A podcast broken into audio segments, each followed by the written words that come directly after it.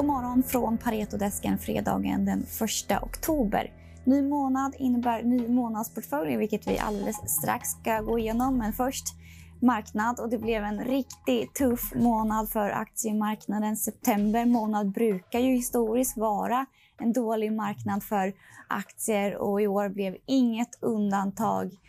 Tvärtom, det blev riktigt tufft för börsen. S&P 500 stängde ner minus 4,7 procent för september månad, vilket är den värsta månaden sedan mars 2020 då pandemin utbröt. Vi har ju sett högre räntor, oro för tapering, oro för vad Fed ska göra och sen så nu allra senast den kinesiska fastighetsmarknaden har oroat börsen. Även i Sverige så var det tufft för eh, aktiemarknaden. OMXSGI eh, SGI sjönk 6,2 procent och eh, vår modellportfölj sjönk 5,2 procent. Så vi eh, slog ändå vårt jämförelseindex men inga roliga siffror direkt. Det som gick eh, bra i vår portfölj var Sedana Medical som steg 7% Jetpack och Volvo.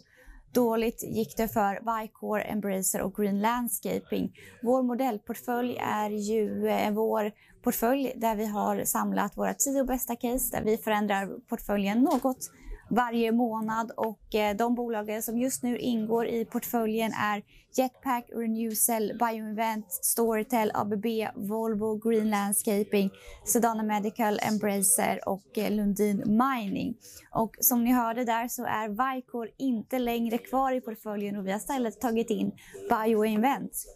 Vicor gick ju svagt för att det, kommer inga direkta nyheter just nu. Det har varit en allmänt svag sektor. Det har inte hänt något specifikt i, i bolaget utan det kan snarare ta lite längre tid innan vi får några triggers för den aktien. Så vi väljer att plocka ut den och vi väljer istället att plocka in Bioinvent där vi ser en, en kortlivad eh, rabatt i aktien Aktien har sjunkit eh, ungefär 20 i år och 30 procent senaste tre månaderna.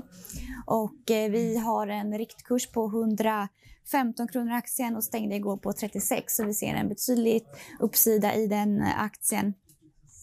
Ehm, och andra, vad kan man säga allmänt om den här månaden för vår portfölj? Jo, men det är ju den här flykten från growth till value som fortsätter. Vi såg ju Embracer gå väldigt svagt på grund av allmän oro i sektorn. Kina har limiterat speltiden för barn under 18 år och Embracer har väl ingen jättestor exponering mot Kina men man är rädd där att det ska komma liknande länder som inför liknande eh, Eh, begränsningar vilket har tyngt aktien. Och sen så har vi ju eh, Apple som har infört den här att man måste godkänna om man vill bli spårad av appen vilket på, påverkar mobilspelssidan.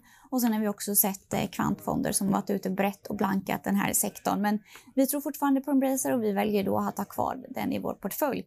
Vi tror även fortsatt på Green som trots har gått dåligt tror vi på en eh, ljusare framtid där aktien har handlats ner på att eh, growth och compounders har gått svagt. Det har varit risk-off där, men vi väljer att ha kvar Green Landscaping. Av våra tio aktier så, steg, eh, eller så slog fem av tio aktier vårt jämförelseindex. Ja, som sagt, den här månaden så plockar vi ut Vicor och tar in Bioinvent. Det var det jag hade att bjuda på idag. Vi får hoppas att eh, oktober blir en eh, gladare börsmånad och ni får nu ha en riktigt trevlig helg när det blir dags. Vi ses igen på måndag.